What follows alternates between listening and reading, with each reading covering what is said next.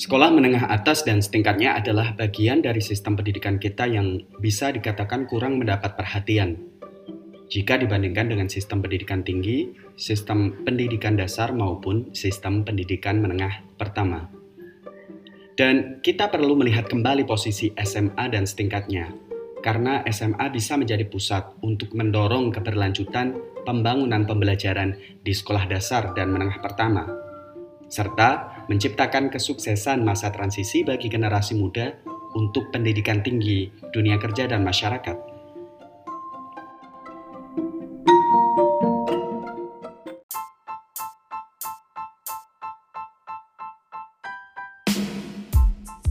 Selamat datang di Reimagine High School. Saya Anwari dan ini papan tulis.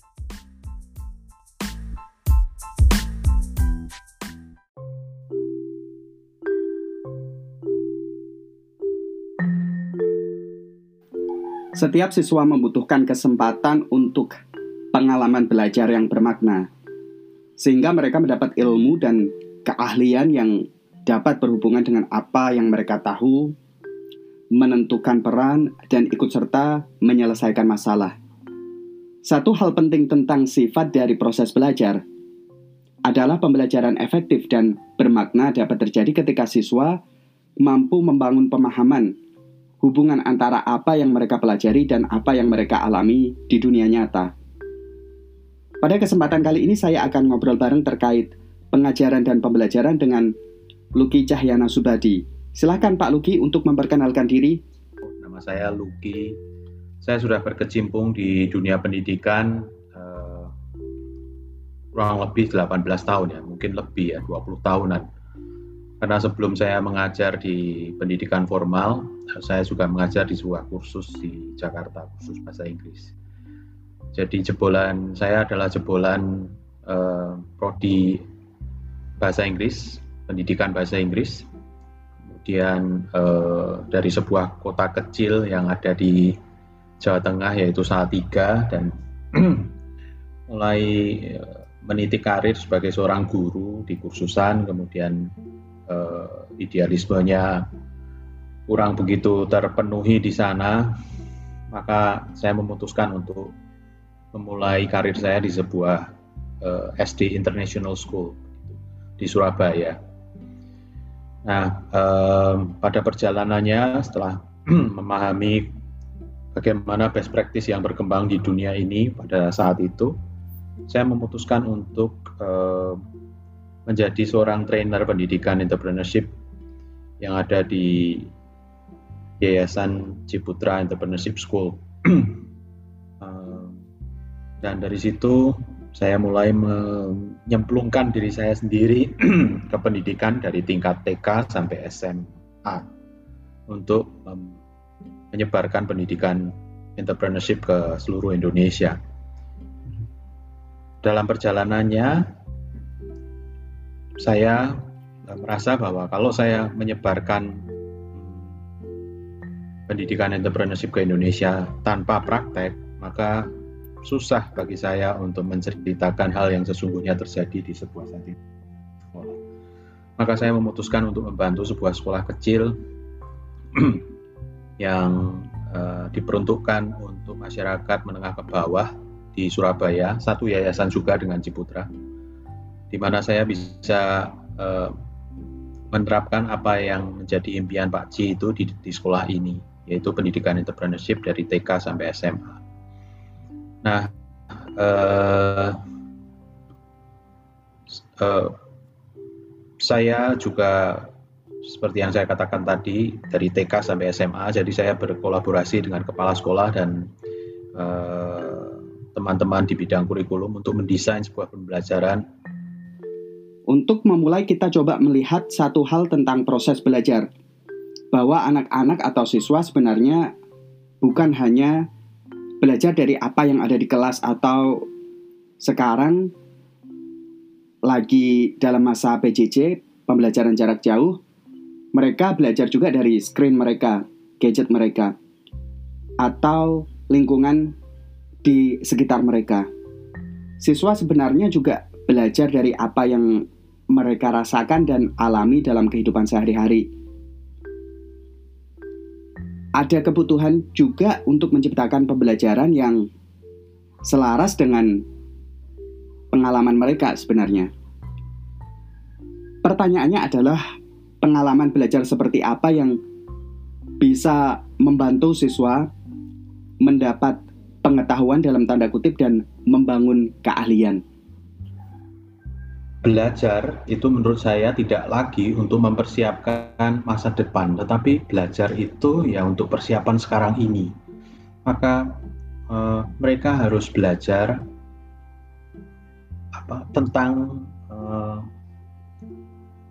kehidupan nyata di dunia ini yang relevan bagi kehidupan mereka saat ini. Sehingga ketika mereka ditantang untuk menyelesaikan masalah di saat ini dengan semua perkembangan diri mereka, mereka bisa. Mereka bisa membekali uh, diri mereka untuk mereka bisa menantang uh, uh, uh, apa ya, memecahkan permasalahan-permasalahan di era sekarang ini. Saya ambil contoh begini, Pak. Ada fenomena-fenomena menarik di dunia ini, di mana anak-anak di bawah 15 tahun itu sudah bisa menghasilkan income melalui aplikasi yang mereka buat, melalui game yang mereka uh, uh, jalankan, itu mereka bisa mendapatkan income. Artinya semakin dini mereka ini bisa uh, lebih mandiri begitu dibanding anak-anak di zaman di era abad 20 di mana teknologi ini belum begitu merambah ke semua uh, lini kehidupan. Jadi menurut saya uh, kita perlu juga memikirkan bagaimana anak-anak ini bisa survive tanpa harus menunggu lulus dari sekolahnya. Tanpa uh, menanti apakah uh, proses pembelajaran ini untuk mempersiapkan masa depan mereka. Masa depan mereka itu ya saat ini, apalagi dengan keadaan yang demikian seperti ini ya, seolah-olah di masa pandemi ini eh, anak-anak uh, kita mandek begitu pendidikannya. Jadi hmm, saya berpikir bagaimana mereka bisa siap untuk mereka menghadapi kehidupan nyata itu hmm, secepat-cepatnya gitu. Tidak menunggu dua, uh, uh, berapa ya? 12 tahun apa? Uh, eh, 12 tahun belajar baru mereka siap. Tetapi bagaimana kita mempersiapkan mereka untuk bisa menghadapi permasalahan-permasalahan hidup yang nyata di dunia ini maka uh, proses pembelajarannya tidak lagi hanya ranah kognitif saja ranah abstrak saja tetapi kita perlu juga memberikan proses pembelajaran um, yang sifatnya aktivitas sosial, yang konkret, yang benar-benar langsung menjawab kebutuhan yang ada di masyarakat. Um, mereka bisa mengidentifikasi, mereka bisa menginvestigasi uh, permasalahan-permasalahan yang ada dan memunculkan sebuah ide untuk menjawab tantangan atau kebutuhan tersebut atau permasalahan tersebut. Um, oleh sebab itu, karena tantangan yang ada itu tidak bisa diselesaikan dengan hanya satu perspektif saja, matematika tidak hanya tidak hanya pakai pembelajaran matematika atau bahasa bahasa atau ilmu sosial atau sains saja, karena permasalahannya demikian kompleks, maka mereka perlu uh, mendapat sumber belajar dari berbagai macam perspektif. Dan mereka perlu memilih sumber-sumber belajar mana yang relevan dengan eh, permasalahan-permasalahan uh, yang permasalahan yang dihadapi tersebut. Dan uh, saya berpikir bahwa uh, mereka tidak bisa menyelesaikan itu sendiri. Seperti pandemi ini, saya rasa tidak cukup kalau hanya pandemi COVID ini diselesaikan oleh kedokteran. Ada campur tangan politik, ada campur tangan orang sosial, ada campur tangan sains, ada peneliti-peneliti di mana mereka saling berkolaborasi untuk menyelesaikan pandemi COVID-19 uh, COVID ini. Nah, itu barangkali yang eh, perlu kita camkan begitu ya di dalam kita mengelola pembelajaran. Yang saya tangkap adalah pembelajaran seyogyanya memberi ruang aktualisasi diri bagi setiap siswa dengan keberagaman latar belakang mereka, memastikan setiap individu siswa benar-benar ikut belajar. Mereka yang pertama mereka itu menetapkan sebuah target. Jadi um, bukan lagi targetnya itu ditetapkan oleh guru, tetapi mereka lah yang sebenarnya menetapkan target belajarnya. Guru atau eh, fasilitator ini memberikan kerangka luarnya saja apa yang akan dipelajari, tetapi eh, siswa baik itu secara individu maupun kelompok mereka bisa menetapkan target belajarnya. Itu yang pertama. Karena motivasi awal um, itu motivasi awal yang baik itu adalah dari sisi pembelajarannya. Ketika saya mengajar dulu, saya selalu menjelaskan tentang skop yang akan dipelajari. Kemudian saya meminta mereka untuk membuat pertanyaan-pertanyaan tentang skop yang akan kita pelajari bersama. Nah, di situlah sebenarnya pertanyaan siswa inilah yang sebenarnya yang menarik untuk uh, kita apa ya fasilitasi sehingga uh, belajar itu dimulai dari siswanya. Salah satu bentuk menetapkan target adalah di awal pembelajaran itu siswa bertanya, ya, karena dari pertanyaan itulah nanti mereka akan mulai mengidentifikasi, mengeksplorasi, mencari sumber-sumber belajar, tidak hanya dari buku, tetapi bisa dari internet, bisa mereka bisa bertanya dengan orang yang ahli begitu. Jadi saya selalu memulai uh, pembelajaran itu dengan cara meminta mereka untuk menetapkan targetnya, apakah itu dalam bentuk pertanyaan maupun statement. Jadi hmm, dengan begitu uh, setiap siswa di dalam skop yang sudah kita sepakati bersama itu mempunyai target yang berbeda-beda. Uh, ada yang ingin belajar tentang A, ada yang ingin belajar tentang B. Sekali lagi di dalam skop yang sama ya, di dalam tema yang sama. Mereka akan memulai pembelajaran itu dari uh, diri mereka dan itu sifatnya personal. Maka uh, proses fasilitasinya lebih banyak ke mentoring, coaching begitu. Ya, tidak lagi dalam bahasa Jawanya itu nuturi atau menjelaskan berlama-lama karena sebenarnya uh, belajar itu dimulai dari siswanya, di mana mereka akan mencari informasi-informasi yang dibutuhkan, yang relevan bagi mereka untuk menjawab pertanyaan-pertanyaan mereka sendiri. Itu yang saya rasa uh, salah satu salah satu wujud di mana kita bisa menjembatani uh, sebuah pembelajaran yang personal. Oke, dengan munculnya berbagai upaya untuk menciptakan student center learning di kelas yang sering dikaitkan dengan upaya peningkatan hasil atau progres pembelajaran, artinya ada sisi yang jadi pertanyaan seperti apa asesmen atau ukuran atau bisa dekat atau bisa dikatakan cara penilaian untuk melihat progres pembelajaran siswa sebagai salah satu goal dari student center learning tadi. Iya. Ada sebuah artikel yang mengatakan bahwa 75% penilaian yang eh, bermakna bagi siswa adalah penilaian diri sendiri ya, atau refleksi. Jadi kalau mereka men mengawali sebuah pembelajaran dengan sebuah pertanyaan atau sebuah target, maka uh, ketika mereka menilai, uh, ketika ada penilaian, maka penilaian yang pas adalah menilai target yang sudah mereka tetapkan itu sendiri. Jadi uh, kita perlu memfasilitasi siswa kita untuk melakukan yang namanya self reflection.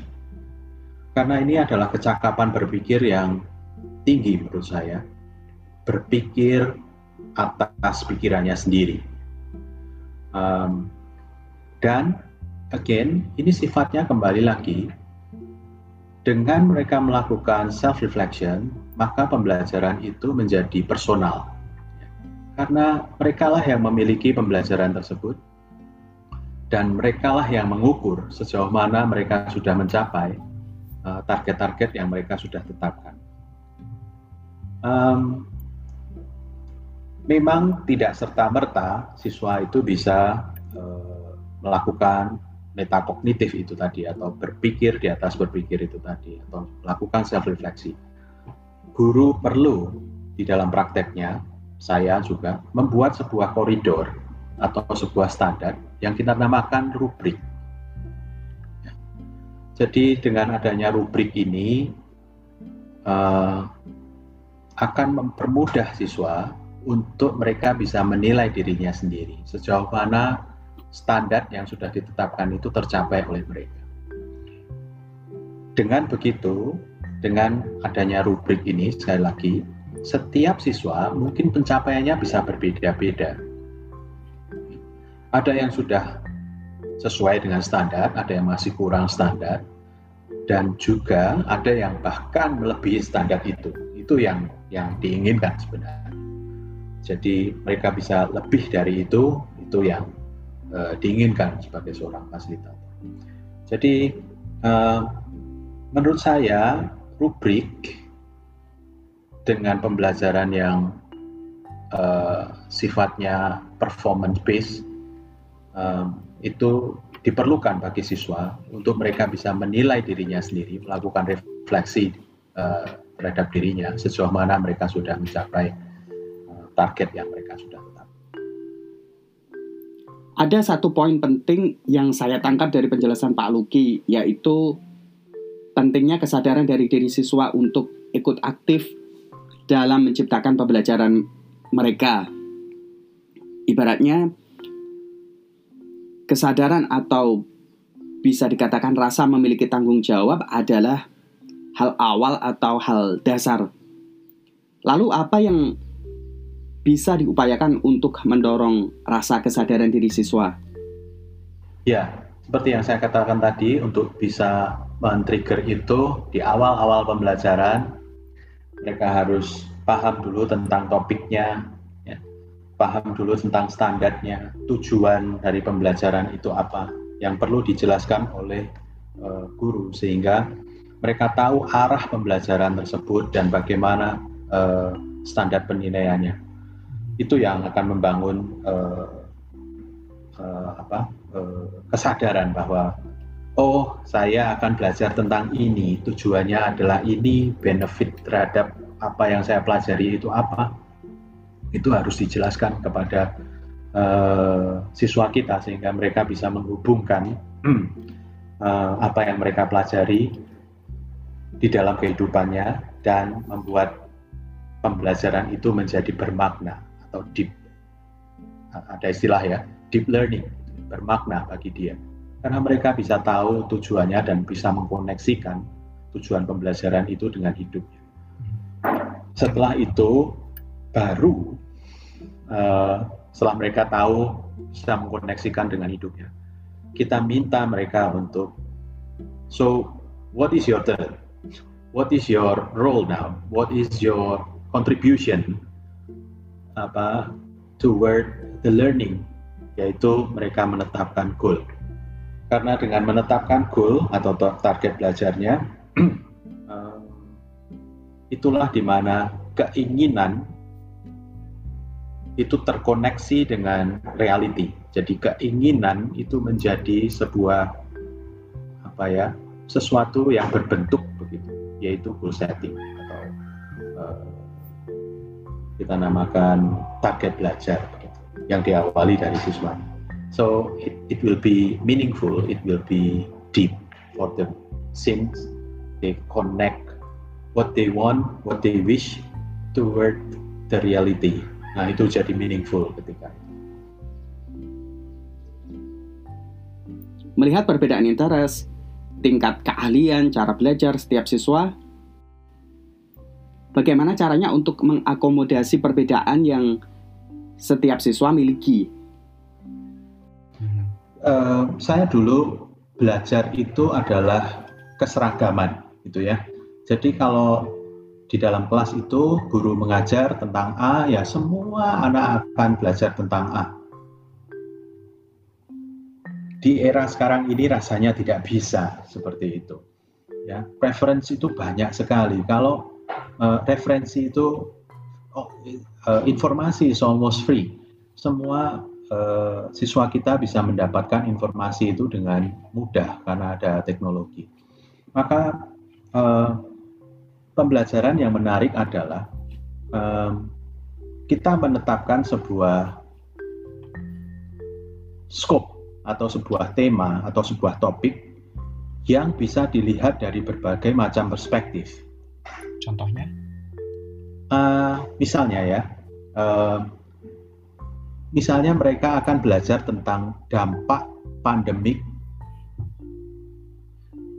COVID-19 terhadap kehidupan sosial anak-anak SMA. Wah, itu eksplorasinya bisa luar biasa, ya. Belum lagi kalau kita uh, mereka menetapkan uh, anak-anak SMA di daerah tertinggal misalnya. Ya. Mereka menetapkan itu untuk menjadi proyek mereka atau problem yang ingin mereka uh, gali begitu. Atau ada lagi anak-anak yang ingin eksplor anak-anak SMA yang tingkat ekonominya uh, menengah ke atas. Wah, itu another another uh, area yang mereka bisa pelajari begitu. Dan masih banyak lagi. Apakah dampak COVID ini juga berpengaruh pada murid-murid perempuan saja, SMA perempuan saja, atau laki-laki saja, atau yang suka terhadap sport misalnya. Wah, jadi eh, dengan kita menetapkan sebuah tema yang generik begitu, eh, anak-anak ini bisa eksplorasi luar biasa dan ketika itu dipresentasikan ke sesama mereka, mereka akan saling belajar. Oh, ternyata ada informasi seperti ini. Oh, ternyata ada informasi seperti ini. Dengan begitu, pembelajaran itu karena pemilihannya topik uh, topiknya itu relevan dengan kehidupan sekarang, belajar itu menjadi sesuatu yang engaging. Belajar itu menjadi sesuatu yang meaningful bagi mereka karena mereka bisa mengkoneksikan apa yang mereka pelajari dengan uh, keinginan mereka, interest mereka dan dan dengan problem yang nyata di dalam kehidupan uh, sekarang ini. Artinya apa yang sebenarnya sekolah bisa lakukan untuk membantu setiap siswa dalam catch up dan keep up? Um, ada persamaan di di dalam kedua hal ini, Pak. Kalau kita mau melihat apakah yang catch up maupun yang uh, masih struggle untuk uh, di dalam kebutuhan teknologi ini, yaitu adalah saat ini guru itu dituntut untuk bisa mendesain sebuah pembelajaran. Artinya bahwa mereka tidak lagi men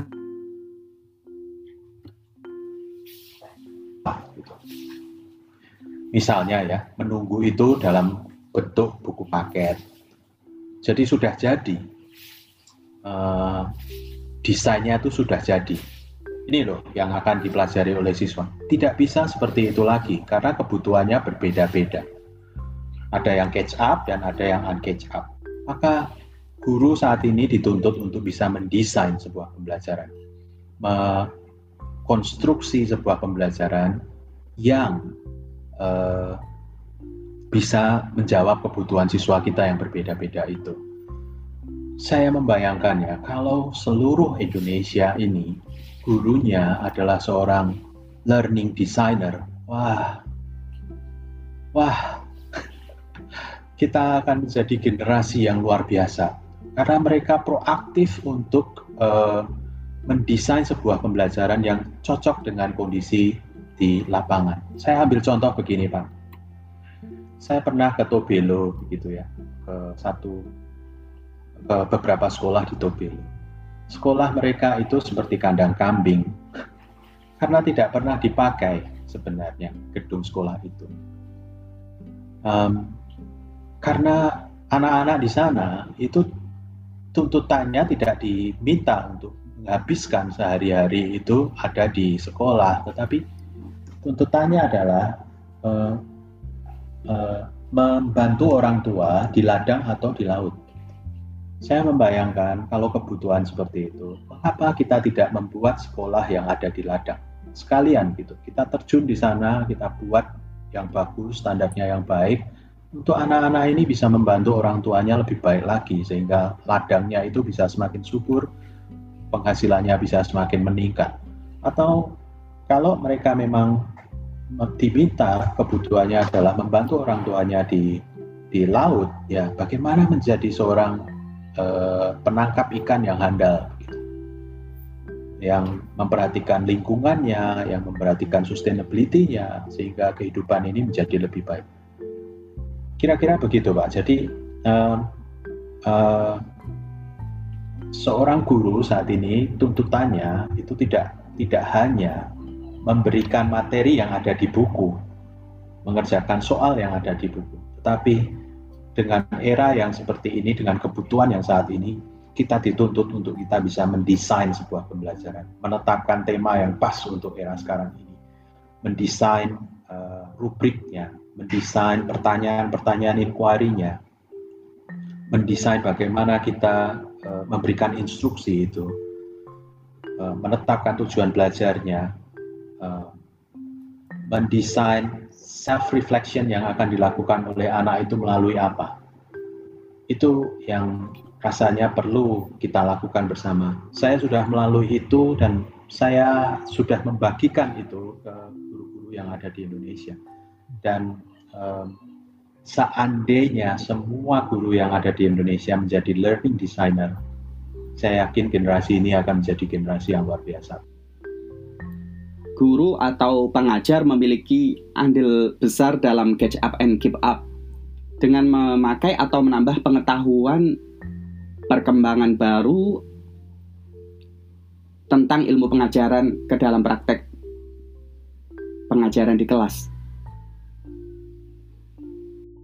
Belajar itu kalau saya uh, um, uh, stick dengan apa yang saya percayai, belajar adalah melihat secara langsung, belajar adalah praktek langsung, uh, belajar adalah mencoba langsung, gitu ya. Jadi saya rasa guru-guru kita perlu diekspos dulu dengan model pembelajaran era sekarang uh, yang menjawab kebutuhan siswa yang berbeda-beda tersebut.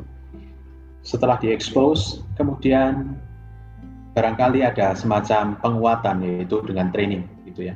Bagaimana membuat modulnya, bagaimana membuat perencanaannya, bagaimana menggunakan sumber belajar yang tidak hanya dari buku, bagaimana menilai, bagaimana membuat rubriknya, bagaimana menilai sebuah performa, tidak lagi tidak hanya cukup menilai kognitifnya saja, tetapi bagaimana kita menilai performa atau apa yang dikerjakan oleh siswa kita.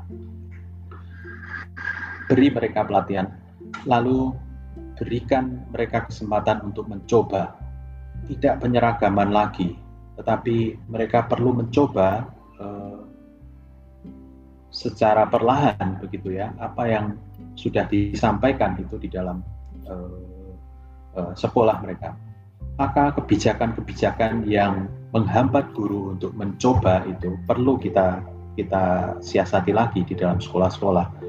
Jadi tidak lagi menunggu juklak atau juklisnya itu seperti apa, tapi biarkanlah mereka para guru ini uh, menuangkan kreativitas mereka sesuai dengan referensi yang ada tentunya ya, tidak tidak sebebas-bebasnya begitu. Sesuai dengan referensi yang ada, sesuai dengan kebutuhan masyarakat di tempat mereka. Uh, untuk men, me, me, me, apa ya, me, membuat sebuah pembelajaran yang bermakna dan personalized bagi setiap siswanya. Kemudian tentu juga ada evaluasi yang berkelanjutan di dalam setiap sekolah sejauh mana uh, uh, proses pelaksanaan itu sudah dilakukan, tanggapan orang tua seperti apa, manfaat yang didapat dari anaknya seperti apa, perubahan perilaku anak atau siswa siswa SMA atau SMP yang terjadi itu seperti apa. Oke, akses informasi untuk perkembangan ilmu pengajaran menjadi isu juga bagi setiap guru karena tidak semua guru dengan mudah mengakses sumber-sumber yang ada. Apa inisiatif yang bisa dilakukan oleh setiap individu dan oleh setiap individu guru dan setiap unit sekolah melihat perbedaan akses ini? Pendidikan tidak hanya apa ya uh, sosialisasi itu tidak hanya diberikan ke ke apa, sekolah saja, tetapi sosialisasi juga perlu diberikan ke masyarakat sehingga masyarakat bisa menilai di era sekarang uh, uh, apa uh, kebutuhan terhadap, terhadap edukasi atau cara pengajaran itu seperti apa gitu. sehingga masyarakat juga bisa uh, memilih sekolah-sekolah yang uh, apa ya pas untuk era sekarang. Jadi edukasi itu untuk uh, tidak atau sosialisasi oleh otoritas yang lebih tinggi ya itu tidak diberikan hanya ke sekolah-sekolah tetapi uh, sosialisasi ini juga diberikan kepada orang tua kita. Apa yang sebenarnya yang terjadi di luaran sana tentang edukasi apa yang sedang fenomena-fenomena edukasi yang ada sekarang itu seperti apa? Itu uh, akan mem, akan terjadi sinergi antara sekolah dengan orang tua untuk meningkatkan kemampuan atau kompetensi anaknya karena dengan kita bahkan gitu ya bahkan ke anak itu sendiri jadi anak itu bisa memilih sekolah-sekolah yang sesuai dengan interestnya. Karena ada sosialisasi tentang model pembelajaran di era sekarang. Uh, dengan demikian, kalau ada social pressure semacam itu, maka uh, sekolah-sekolah mau tidak mau juga akan mencoba memenuhi kebutuhan dari masyarakatnya kebutuhan dari society yang ada di sekitarnya. Karena society sudah mengetahui um, uh, best practice yang baik di era sekarang. Bisa tidak harus lewat internet gitu ya tetapi lewat radio lewat uh, uh, TV ya rekaman-rekaman yang dibagikan gitu sehingga uh, masyarakat ini semakin jeli untuk memilih sebuah sekolah mendapat informasi untuk uh, memilih sebuah sekolah dengan apa uh, sesuai dengan interest yang yang yang yang dimiliki atau keinginan yang mereka inginkan. Artinya yang jadi tugas besar adalah bagaimana cara untuk mendorong kesadaran setiap unit sekolah untuk support pengembangan profesionalisme guru demi kelanjutan pembelajaran Baik, maka sekolah harus memulai menjadi school designer, Pak. Sekolah pembelajar. Mereka harus bisa mengelola kurikulum, standar kurikulum yang ada, standar kurikulum nasional yang ada ini menjadi sesuatu yang dibutuhkan di masyarakat di mana sekolah itu ada. Kurikulumnya harus diolah kembali, disesuaikan dengan uh, referensi zaman, kebutuhan-kebutuhan di masyarakat era sekarang ini, di mana tidak lagi kurikulum itu hanya cukup untuk yang saya katakan tadi di awal-awal hanya untuk didengar atau dibaca saja, tetapi kurikulum itu memampukan guru-guru untuk mendesain sebuah pembelajaran. Ya, I may say that uh, teacher is a living curriculum gitu. Jadi guru tidak lagi di bawah kurikulum, tetapi kurikulum ini dipandang oleh guru untuk dikelola, untuk didesain menjadi sebuah perencanaan mengajar yang bisa diimplementasikan dan menjawab kebutuhan. Nah, tentu eh, sekolah menyiapkan sebuah model kurikulum. Kemudian sekolah juga eh, menetapkan kebijakan bagaimana mengelola kurikulum tersebut. Kemudian bagaimana mengukur tercapainya kurikulum tersebut di dalam pembelajaran melalui assessment, melalui penilaian. Bagaimana mendesain instruksi pembelajarannya. Kita perlu guru-guru belajar tentang uh, learning apa uh, instructional design begitu ya. Belajar mem, mem, mem,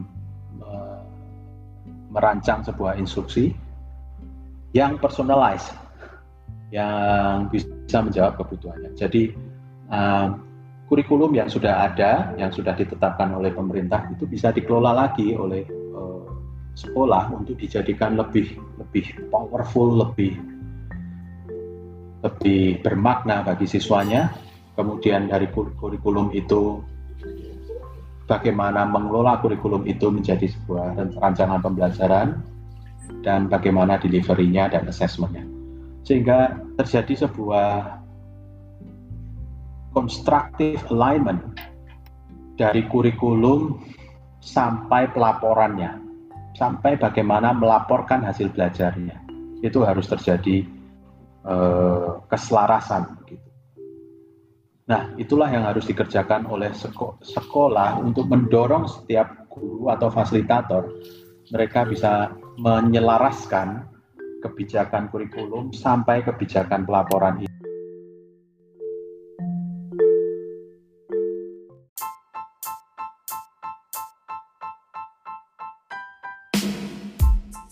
Terima kasih sudah mendengarkan Papan Tulis. Anda bisa mendengarkan episode-episode lain dari Papan Tulis di platform Spotify dan Apple Podcast dengan searching Papan Tulis. Sampai jumpa di episode selanjutnya.